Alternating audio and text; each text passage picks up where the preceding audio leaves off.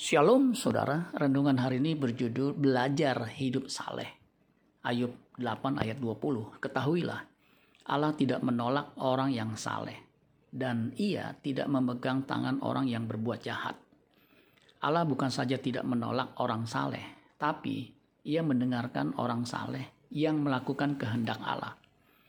Yohanes 9 ayat 31. Kita tahu bahwa Allah tidak mendengarkan orang-orang berdosa melainkan orang-orang yang saleh dan yang melakukan kehendaknya. Siapa saja orang salehnya?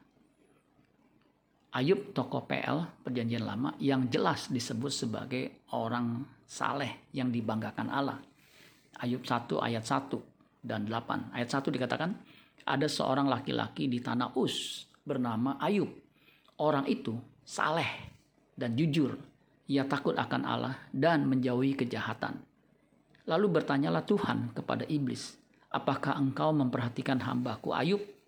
Sebab tiada seorang pun di bumi seperti dia yang demikian saleh dan jujur, yang takut akan Allah dan menjauhi kejahatan. Ayub 2 ayat 3. Firman Tuhan kepada iblis, apakah engkau memperhatikan hambaku Ayub? Sebab tiada seorang pun di bumi seperti dia yang demikian saleh dan jujur yang takut akan Allah dan menjauhi kejahatan. Ia tetap tekun dalam kesalehannya meskipun engkau telah membujuk aku melawan dia untuk mencelakakannya tanpa alasan. Yesus adalah sosok manusia yang saleh yang juga dibanggakan Allah Bapa. Matius 3 ayat 17. Lalu terdengarlah suara dari sorga yang mengatakan, Inilah anakku yang kukasihi, kepadanya lah aku berkenan. Matius 17 ayat 5. Dan tiba-tiba sedang ia berkata-kata, turunlah awan yang terang menaungi mereka. Dan dari dalam awan itu terdengar suara yang berkata, inilah anak yang kukasihi, kepadanya lah aku berkenan. Dengarkanlah dia. Bagaimana kita bisa saleh?